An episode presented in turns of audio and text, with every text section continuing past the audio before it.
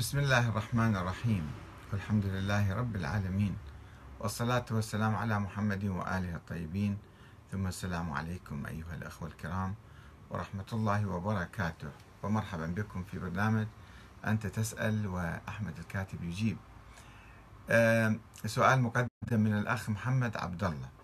يقول لماذا ترفض الخلافة الإسلامية وتأخذ بالديمقراطية وهي كفر؟ ديمقراطية كافرة. يقول إلى السيد أحمد الكاتب لقد كفيت ووفيت في البحث التاريخي لمسألة المعصوم ومسألة المهدي الاثنى عشرية أو الاثنى عشري.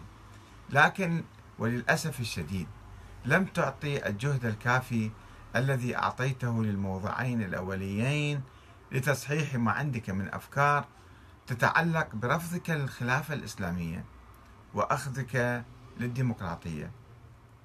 يقول لقد لاحظت من خلال فيديو تم نشره بإشرافك تتحدث فيه عن الإسلام والديمقراطية وتقزم أحكام الإسلام بالعبادات وأحكام العقوبات مع أن الإسلام قد عالج جميع مشاكل الحياة. أما الديمقراطية فهي نظام كفر وضعه الإنسان المحدود والضعيف والمحتاج وهي تعني كما وضعها أصحابها حكم الشعب بالشعب بمعنى أن الشعب هو الذي يشرع وهو الذي يحكم. لذلك لا يجوز للمسلم أن يدعو لهذه الفكرة لأن التشريع لله وحده والسلام عليكم ورحمة الله وبركاته. هذا بالحقيقة موضوع تحدثنا حوله كثيرا وأنا كاتب كتاب قبل حوالي عشر سنوات حول هذا الموضوع وعنوانه تطور الفكر السياسي السني نحو خلافة ديمقراطية. ولكن يبدو بعض الأخوة هسه ما أقول ما يقرون كتابي إنما ما يشوفون التطورات الحاصلة بالفكر الإسلامي السني خصوصا. هناك تطور في الفكر الشيعي نحو الديمقراطية وهناك أيضا تطور في الفكر السني العام. الحركات الإسلامية والمفكرين المسلمين آه، السنة يعني عالجوا هذا الموضوع وبحثوه كثيرا وما يأخذون المسألة بهالبساطة. أنه الديمقراطية تعني حكم الشعب بالشعب وبالتالي هذا راح يسوون قوانين ضد الإسلام. لا. يعني يقولون إحنا عندنا ثوابتنا وعندنا ديننا وما راح نغير بالدين مالنا ولا نلعب فيه. إنما الديمقراطية تعنى بمسألة الحكم. كيف نحكم؟ عندنا طريقين. أو عندنا ثلاث طرق مثلا. عندنا الفوضى وعندنا الحكم العسكري وعندنا الحكم الملكي. اللي كل حاكم من هؤلاء هو يتصرف كما يشاء ويفعل ما يشاء. واحيانا يغير بالدين حتى يغير بالقوانين حتى القوانين الشخصية. ويتبنى أشياء اخطاء يعني أمور خاطئة ودائما يعني يأمر وينهى حكم البلد بشخص واحد. الحكم الدكتاتوري أو الملكي المطلق. هو يعني مو ما له علاقة بالدين. ضد الدين أحيانا يكون وكثيرا ما يكون. وهو يعني حكم البلد أو حكم الشعب بالفرد. شخص واحد يجي بالصدفة بالحظ نصيب يطلع أحيانا. واحد يموت واحد يحتيه واحد كذا في مرة يطلع فد ملك أو فد زعيم أو فد أمير ويلعب ما يشاء بالدولة. هذا حكم الفرد في نظر بعض الناس أعتقد مثل الأخ هذا اللي شنو البديل عن الديمقراطية؟ يعني الملكية المطلقة اللي يسميها الخلافة الإسلامية. فهذا مقبول ومعقول وجائز وصحيح. والفقهاء المسلمين يعني من مئات السنين. اي عادي. حتى لو واحد استولى على السلطة وظلم وفسق وفسد وشرب حتى بعض الشيوخ الوهابية في السعودية يقولون حتى لو شرب الخمرة بالكعبة ما يجوز محاربته للإمام لولي الأمر اللي الله قال طيعوه. انطيعة في المعروف من من من طيع مثلا في هذا الموضوع؟ طيب ما هو إنسان فاسق فاجر صار. البلد كله يقوده إلى الهاوية وإلى جهنم. وأنت تقول أنا ما علي فيه إذا أمرني بمثلا منكر أنا ما أسوي. هي مو قصة فردية إن يجي أمرك أنت مثلا لا تصلي أو لا تصوم. لا ما يجي يقول لك الكلام. بس ثروة البلد حريات البلد حقوق البلد حقوق الناس كلها ساحقها تحت آه، أقدامه. وهو يقول لك أنا خليفة شرعي وأنا حاكم شرعي والله أمر بي مثلا آه، طاعتي واستماع لي. شنو الفكر هذا؟ هذا الفكر من أيام الأمويين بنوه بنوه وسووا الفكر هذا فسروا الآيات القرآنية. تفسير سيء تعسفي أنه أطيعوا الله وأطيعوا الرسول وأولي الأمر منكم. يعني إحنا لازم تطيعونا أنتم يا ناس بصوره مطلقة. مطلقة. إيش ما نقول لكم لازم تسمعون كلام. فصار خلاف أنه يعني إذا أمرني بمعصية ما أطيعه لا لمعصوم لمخلوق في معصية الخالق. بس هاي يعني بس هي هي بس الطاعة الفردية للإنسان للحاكم أو نظام الحكم نظام الدولة إدارة الدولة إدارة المجتمع. كل هذا نحطه على صفحة ما ننظر له وننظر فقط أن الديمقراطية تقول حكم الشعب للشعب هذا كفر وراح هذول يكفرون الناس. طيب هو شعب مسلم. نفترض إحنا في بلاد إسلامية وشعب مسلم ملتزم بأحكام الإسلام ليش يجي يكن قوانين ضد الإسلام يعني؟ من يجبر عليها؟ في عدة مغالطات في الحقيقة في هذا السؤال أو في هذا الفكر يعني ليس في هذا السؤال فقط. اولا خلافة إسلامية. يقول برفضك للخلافة الإسلامية. وين قال لك أكو خلافة إسلامية أصلا؟ الإسلام أصلا ما ما بي نظام حكم ولا متحدث عن نظام الحكم أبدا لا بالقرآن ولا النبي يتحدث عن نظام الحكم. إنما هي خلافة عربية خلافة قرشية خلافة أموية خلافة عباسية خلافة مملوكية. العبيد كانوا يحكمون فترة من الزمن خلافة عثمانية. قوميات. قوميات مختلفة كانت تستولي على السلطة وتحكم. وتحكم بصورة مستبدة بصورة مطلقة.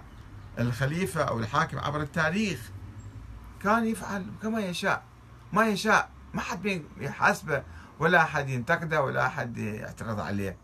يفعل ما يشاء. مرة واحدة شوفوا مثلا قصة البرامكة وهارون رشيد. من يعرف حتى الآن صار 1200 300 سنة عن ذيك القصة. من يعرف أو عرف بالتاريخ أنه لماذا مرة واحدة هارون رشيد انقلب على وزرائه وعلى أجهزة الدولة اللي كانت موجودة وصفاهم كلهم قتلهم وأخذ أموالهم وطشرهم بالأرض ليش؟ لماذا فعل هارون رشيد ذلك؟ أحد يعرف؟ خلي يجاوبني تكهنات أنه هذا عقد على أختي العباسة وكذا وكان غافل وفي حالة غضب أصدر التعليمات هاي مال ليش؟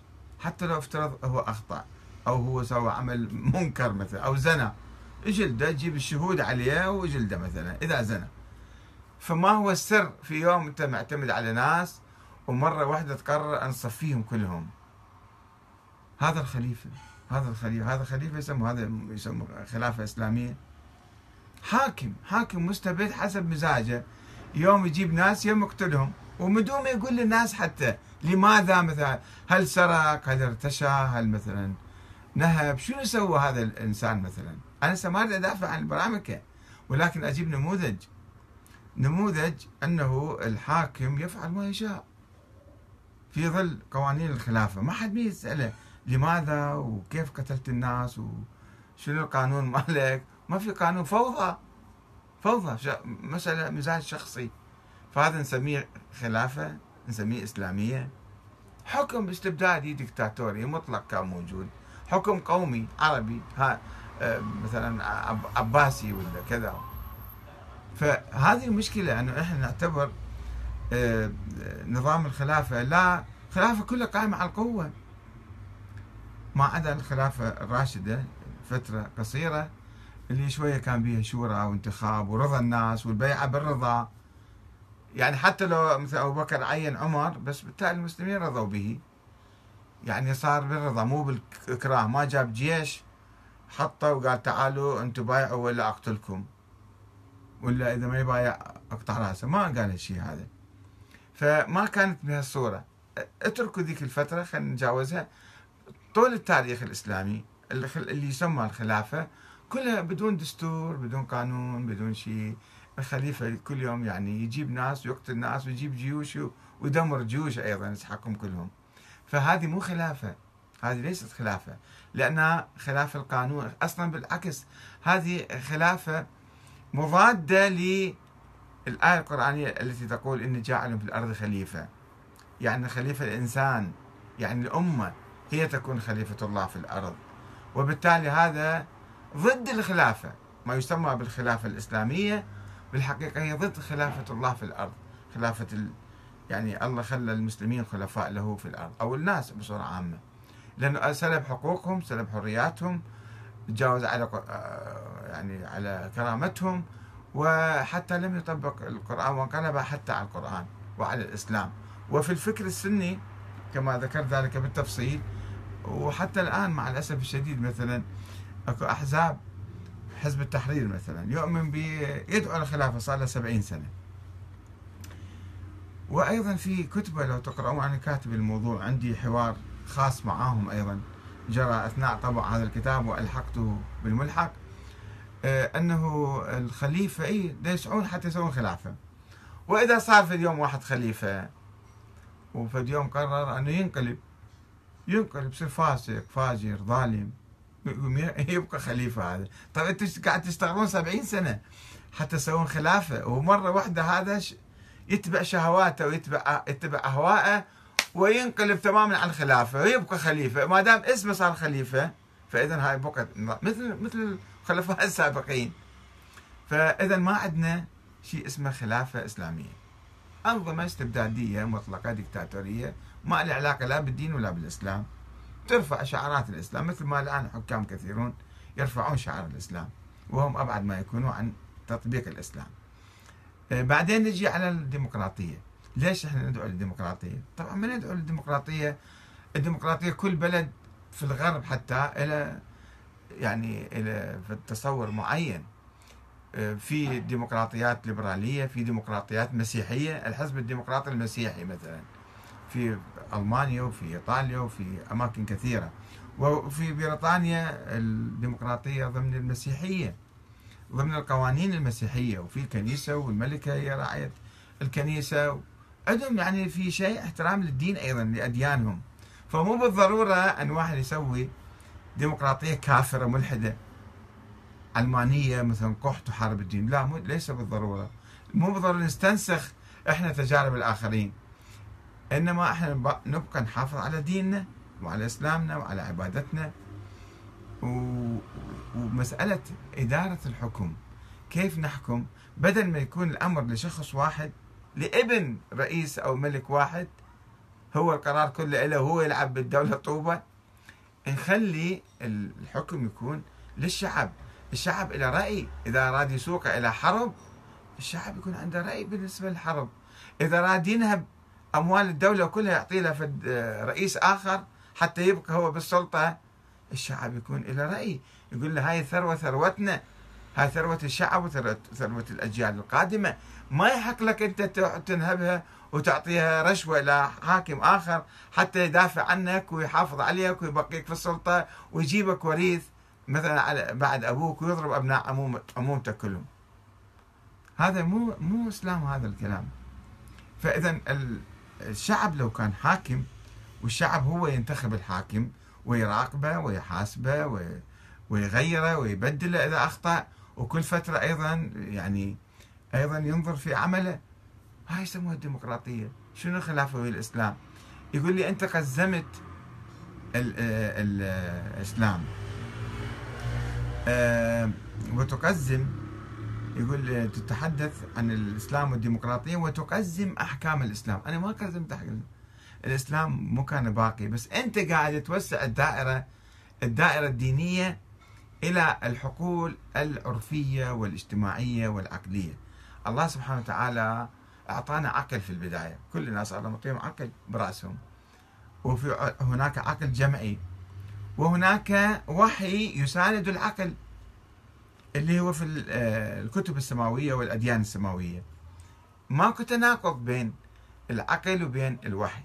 ثم الوحي إلى دائرة.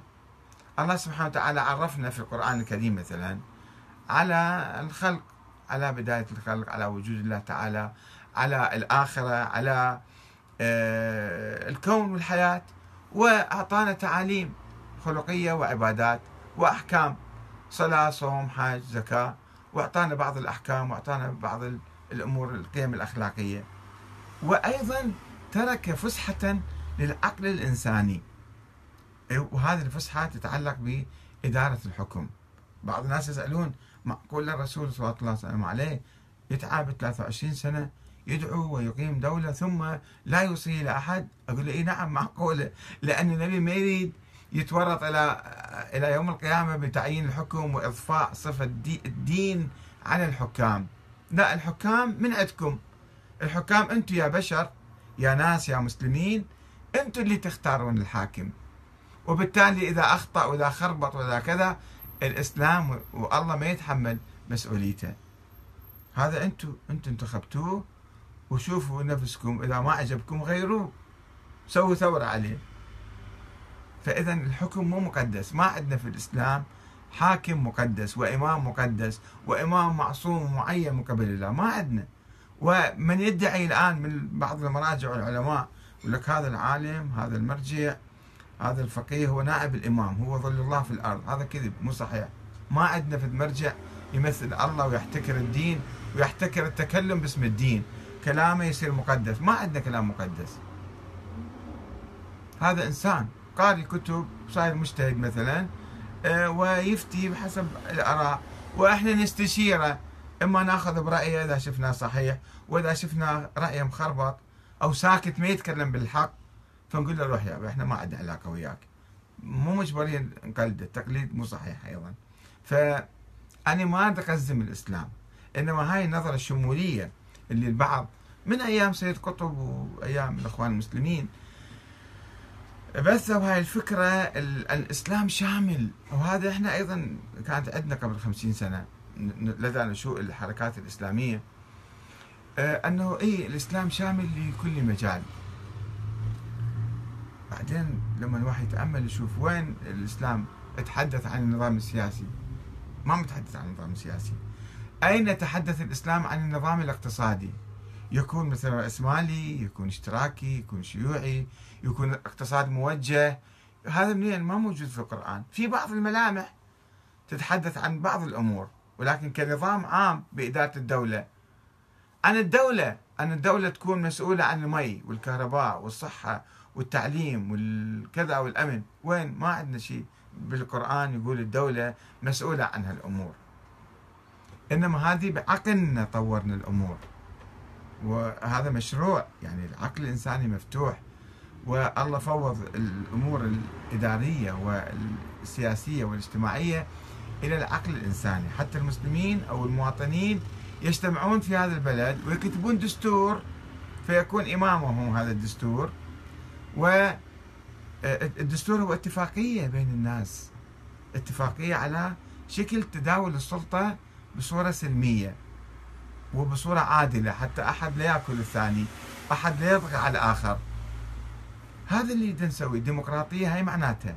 المؤسف حقيقة أن بعض الناس ما يفهموا لا يفهمون عندهم صورة مغلوطة ومشوهة ومو صحيحة عن الخلافة اللي صورة مثالية عندهم هذه. وأي واحد ما يدعو الخلافة هذا انحرف عن الإسلام. وبعد لو دعا للديمقراطية بعد كفر هذا. الديمقراطية كافرة. وإذا صار كفر مضاعف عنده. هم ترك النظام الإسلامي كما حزب التحرير يقول دائما في كتبه يعني هسه ما أدري متغيرين لو متبدين له بعده. أنه هذا أهم ركن بالإسلام. الخلافة أهم شيء بالإسلام. كما كان الإمامية يقولون أيضا. الولاية أهم شيء بالدين. بني الإسلام على خمسة أركان من الصلاة والصوم والحج وكذا والولاية. ومن ما عنده ولاية فدينه كله يروح بلاش مثل ما أنا كتبت كتاب قبل 45 سنة عشرة ناقص واحد يساوي صفر.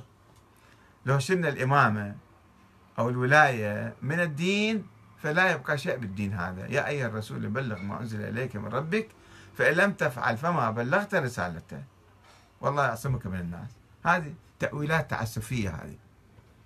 تأويلات تعسفية واستنباطات قسرية وكلام يعني ما له معنى. يعني طيب وين الأئمة؟ وين الخلفاء؟ وكيف نجيب الخليفة؟ فأنا تحدثت في هذا الكتاب أيضا بالحقيقة نحو خلافة ديمقراطية تطور الفكر السياسي السني. أنا انتقدت الفكر السياسي السني القديم اللي أكثر من ألف سنة وخلال القرن العشرين بعد سقوط الخلافة العثمانية وقبيل سقوطها بالحقيقة آه، دعا محمد رشيد رضا ومحمد عبدو وجمال الدين الأفغاني المصلحين والكواكبي وغيرهم دعوا إلى تطوير النظام العثماني اللي بعده ما كان ساقط في القرن التاسع عشر إلى نظام ديمقراطي. يعني خلي يكون في انتخابات خلي يكون شورى خلي يكون كذا. مو الخليفة واحدة يمكن يكون جاهل يمكن يكون أمي يمكن يكون فاسق. منحرف في داخله. آه، ويجي يصبح خليفة ويتحكم بمصائر المسلمين. وما نعرف شو يسوي بينا بعدين. فقالوا خلي يكون شوية عندنا دستور عندنا قانون عندنا كذا. قاموا يجرون إصلاحات.